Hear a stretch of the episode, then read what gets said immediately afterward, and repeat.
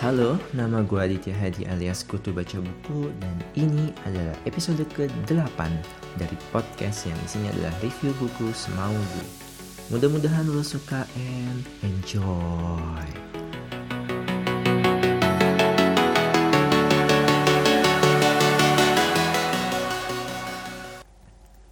Halo semuanya, ketemu lagi sama gue di Aditya Hadi alias Kutu Baca Buku. Uh, buat kalian yang baru dengerin podcast ini, ini adalah podcast yang isinya adalah review buku suka-suka gue. Gue nge-review buku apa pun, mulai dari buku fiksi, non-fiksi, baik fantasi, biografi, macam-macam lah. Semuanya, semua buku yang menurut gue menarik, gue review di podcast ini. Dan kali ini gue akan baca buku non-fiksi. Kayaknya ini adalah review buku non-fiksi pertama gue. Yang judulnya itu When karya Daniel Pink. Daniel Pink ini sendiri bukan penulis baru. Dia sebelumnya udah terkenal dengan buku judulnya mungkin kalau kalian udah pernah baca. Judulnya itu Drive sama To Sell Is Human.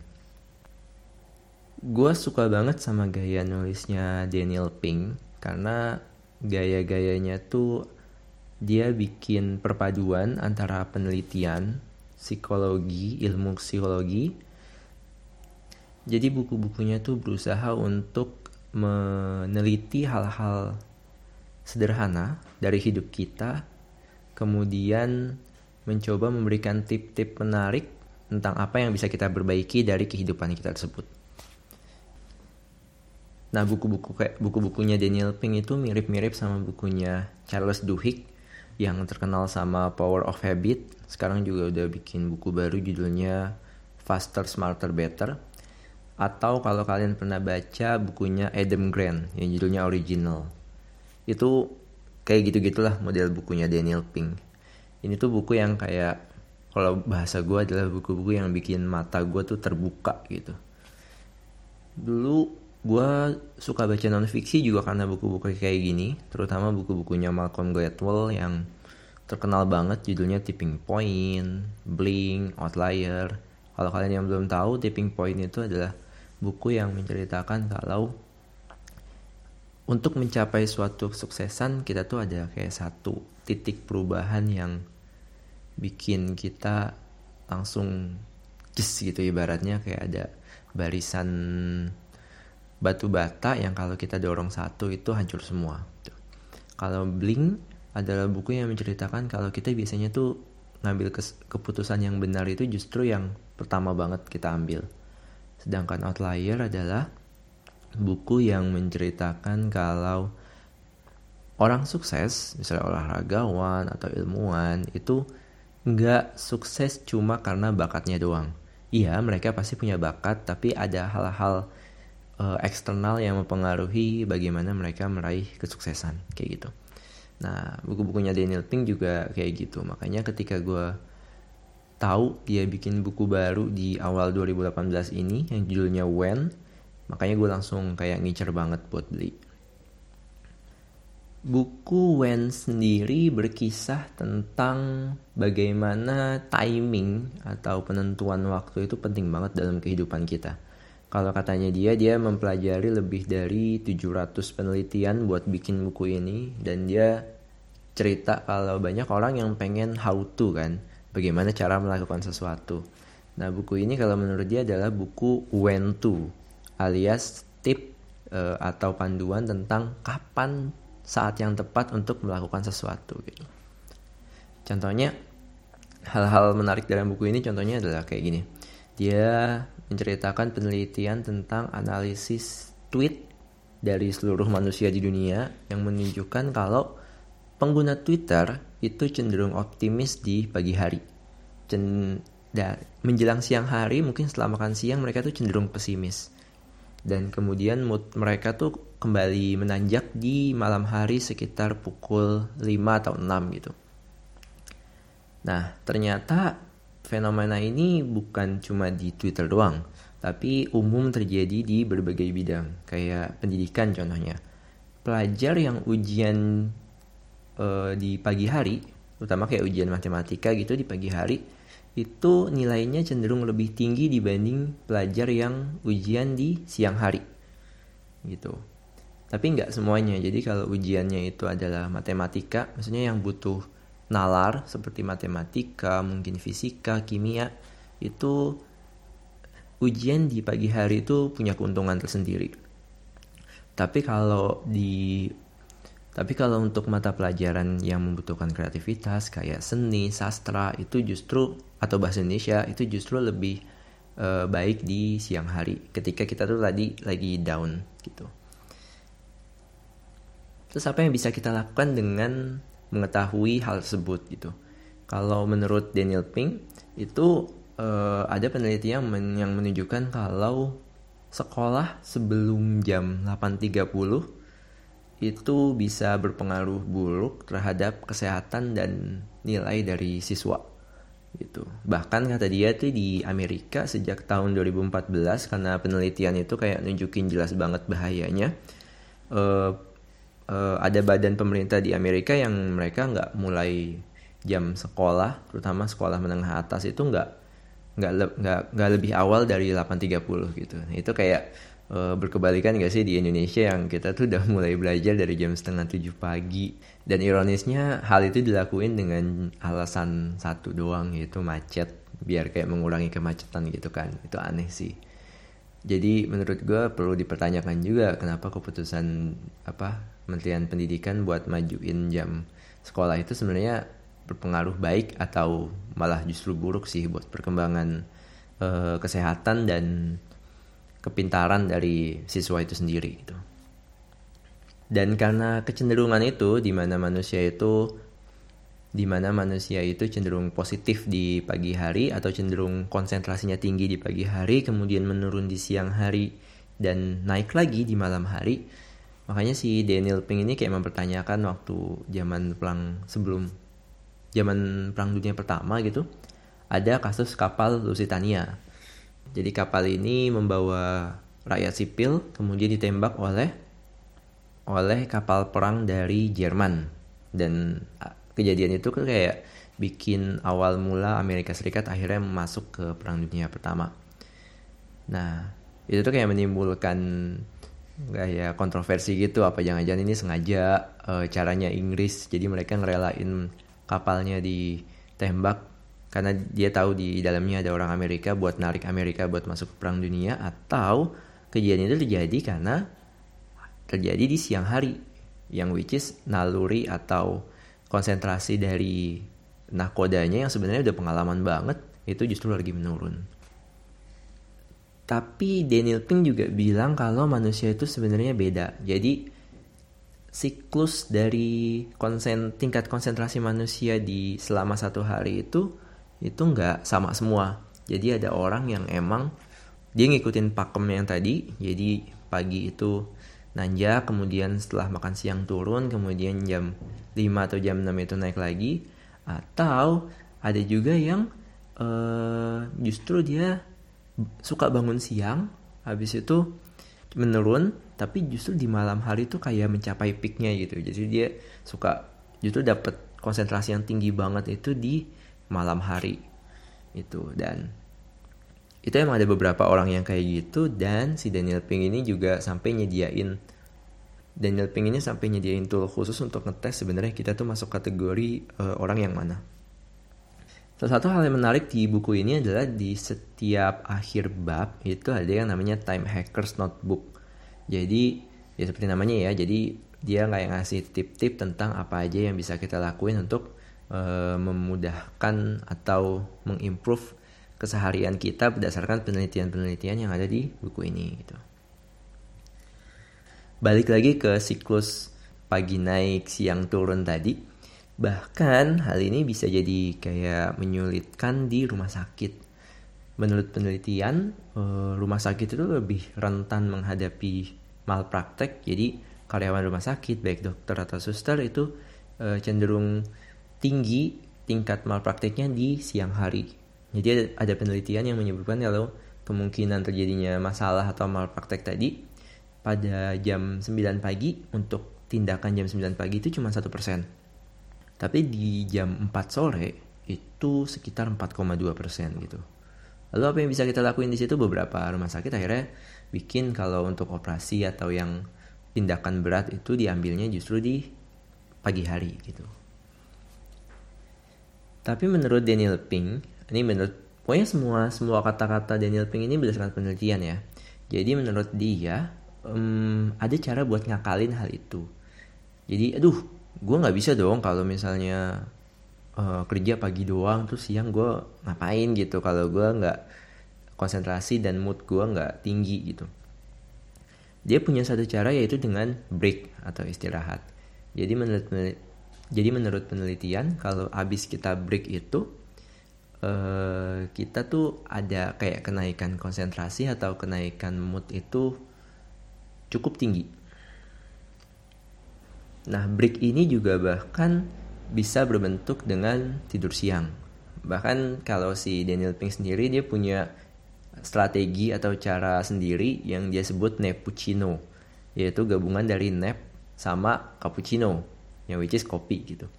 Gimana caranya? Jadi menurut dia waktu ideal untuk kayak tidur siang untuk ngembaliin mood dan konsentrasi kita itu adalah sekitar uh, 10 sampai 20 menit yang which is kalau terlalu cepat itu kita belum sampai tidur banget. Kalau terlalu lama jadi ya kelamaan tidur gitu.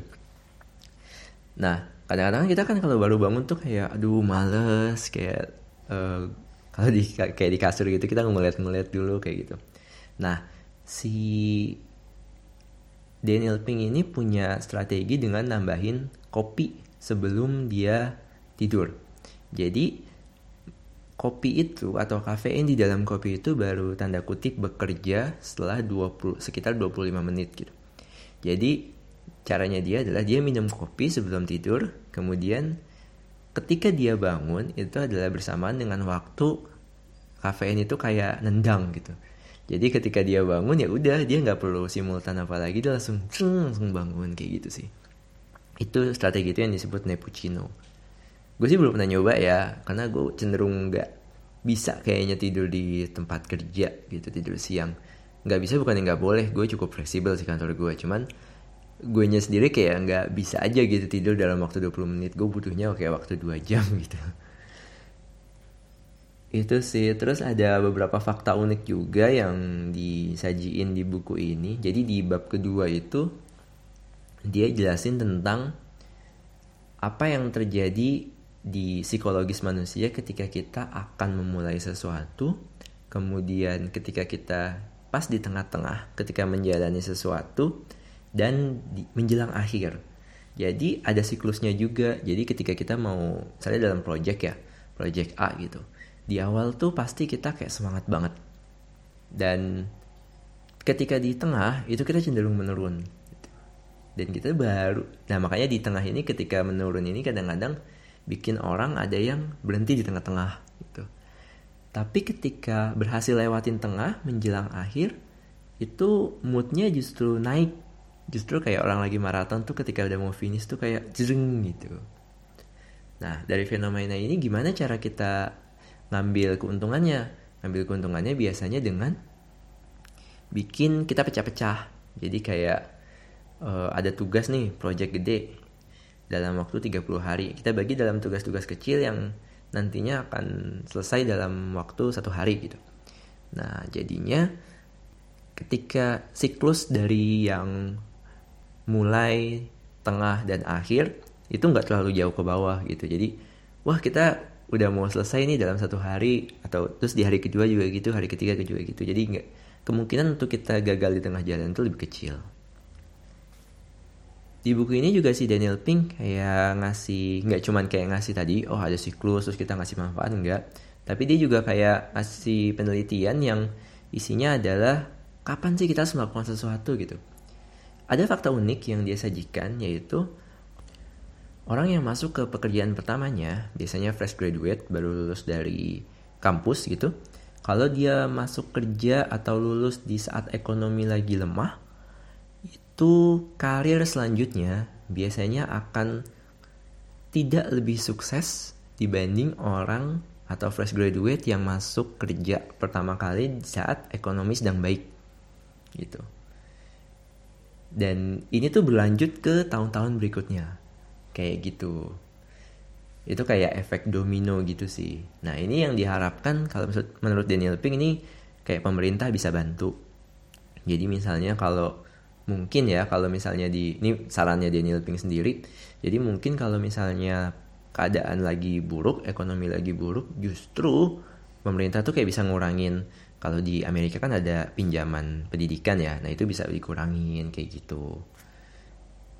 Nah kemudian terus ada lagi tip-tips soal kapan sih waktu tepat untuk menikah gitu uh, menurut Daniel Pink lebih bagus kalau kita udah pacaran sekitar satu tahun dulu gitu ada juga saat yang tepat untuk ganti kerjaan nah yang menarik itu adalah ada tip tentang kapan kita harus maju lebih dulu dan kapan kita harus maju lebih belakang. Salah satu contoh adalah kita harus maju lebih dulu ketika kita tahu kompetitor kita itu jago-jago. Misalnya kita mau jadi misalnya kita mau jadi ketua kelas gitu. Kita tahu nih anak-anak pinter atau anak-anak yang berbakat semua yang bakalan mereka punya keinginan untuk jadi ketua kelas juga gitu.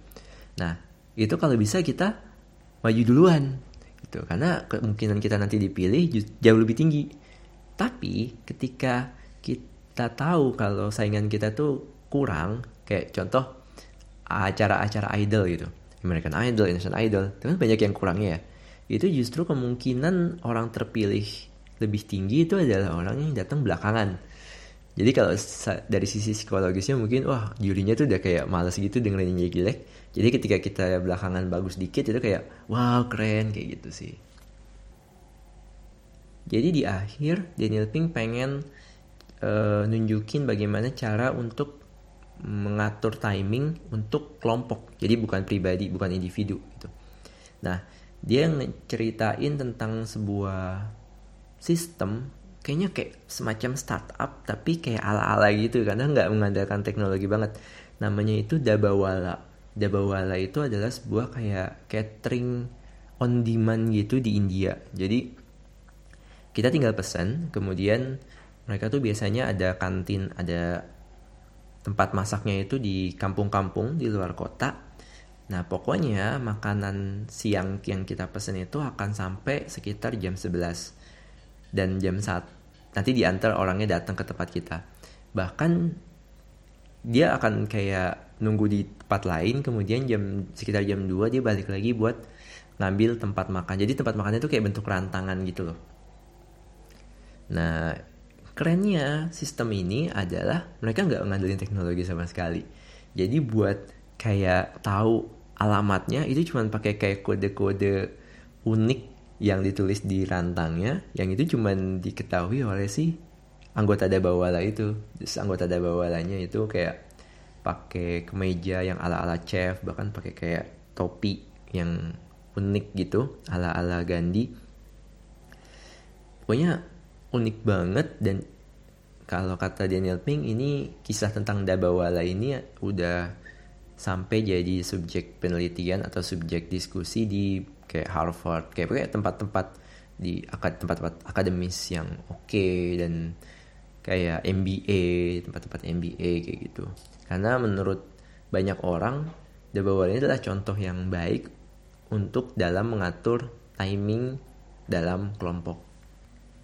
Mungkin kalau kita sekarang di Indonesia banyak yang mirip-mirip kayak Kulina atau Bire Kitchen atau mungkin mereka juga bisa belajar dari The Bawal ini Oke selanjutnya gue akan lebih dalam lagi tentang tip-tip yang ada di buku ini dan review gue tentang buku ini.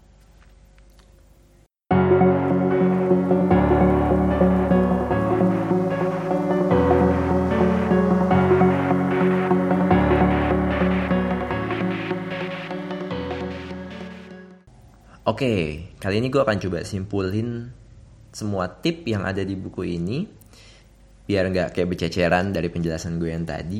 Yang pertama, untuk bekerja secara efektif, kalian harus melakukan break yang efektif juga gitu. Jadi harus ada break, tapi breaknya ini jangan sampai bikin kalian kelamaan gitu. Tadi udah dicontohin kalau breaknya itu juga bisa dipadukan dengan kopi yang namanya Nepuccino tadi.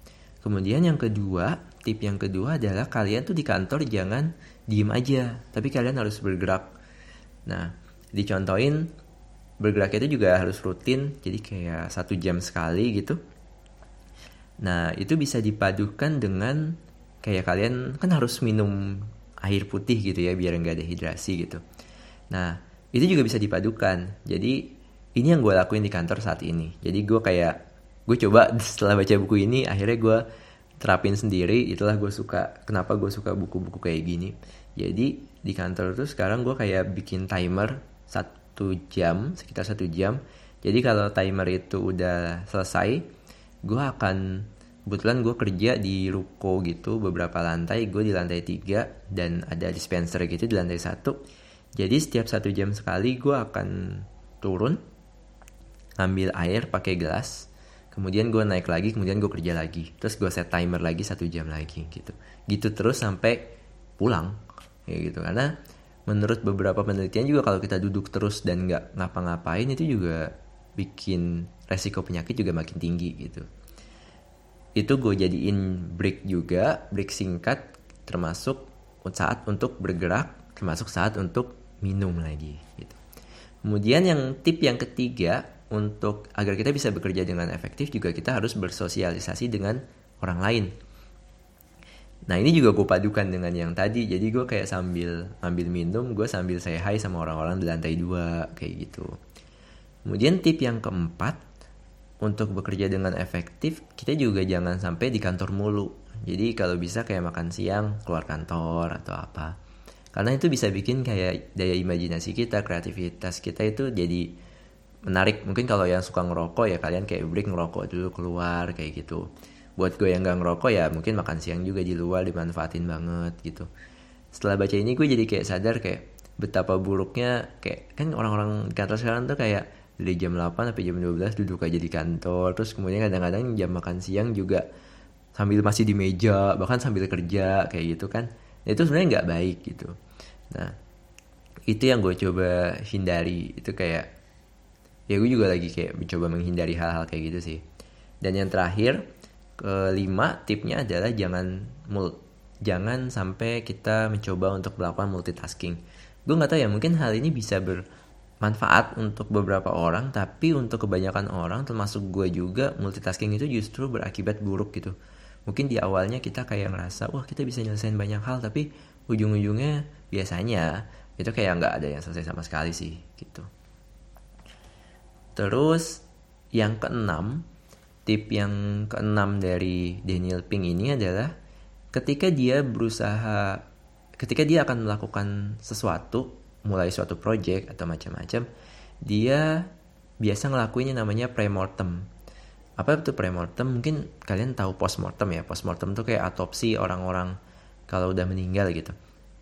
Nah, premortem ini adalah istilah yang di dipopulerkan oleh psikologis yang namanya Gary Klein. Nah, premortem ini adalah cara untuk meneliti tentang hal-hal yang kegagalan yang mungkin terjadi sebelum terjadinya proyek. Jadi kayak misalnya, oke, okay, kita akan nulis nih satu, misalnya gue gue akan bikin podcast 10 podcast dalam sebulan gitu. Nah, gue dari awal udah neliti apa aja yang kira-kira bakal bikin gue gagal gitu. Oh, gue kehabisan topik.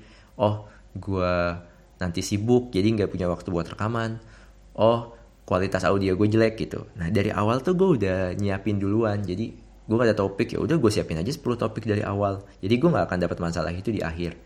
Atau kualitas audio gue jelek gitu. Nah dari awal gue uh, research dulu audio gimana caranya audio yang baik. Jadi 10 10 nya itu bisa berjalan dengan cara yang dengan rekaman audio yang baik. Kayak gitu sih dan kata-kata mamungkas dari Daniel Pink yang kayak berkesan banget di buku ini adalah ini kata-kata terakhirnya juga sih. Jadi di buku ini juga dia kayak mengimplementasikan apa yang dia ceritain di buku itu sendiri. Jadi di buku itu dia bilang kalau kata-kata terakhir itu biasanya berkesan gitu dan dia juga akhirnya bikin kata-kata terakhir yang berkesan di buku ini. Jadi kata-kata ini adalah I used to believe that timing was everything. Now I believe that everything is timing. Jadi kalau bahasa Indonesia itu kayak gue dulu percaya kalau timing atau penentuan waktu itu segalanya. Tapi sekarang berubah. gue menurut gue justru segala hal itu adalah tentang timing gitu kayak wah keren banget nih overall gue suka banget sama buku ini tapi sejujurnya gue ngerasa kayak buku ini tuh kayak masih terburu-buru untuk diterbitkan jadi kayak gue nggak tahu nih bener atau enggak cuman kayak gue ngerasa si Daniel Pink ini kayak dikasih deadline. Nah udah menjelang deadline dan dia nggak selesai juga ya udah dia selesaiin seadanya aja gitu. Karena di buku kan diceritain kalau wah ada 700 penelitian yang gue pakai buat nulis buku ini dan tapi gue nggak ngerasa kayak ada 700 penelitian gitu kayak ada yang kurang aja.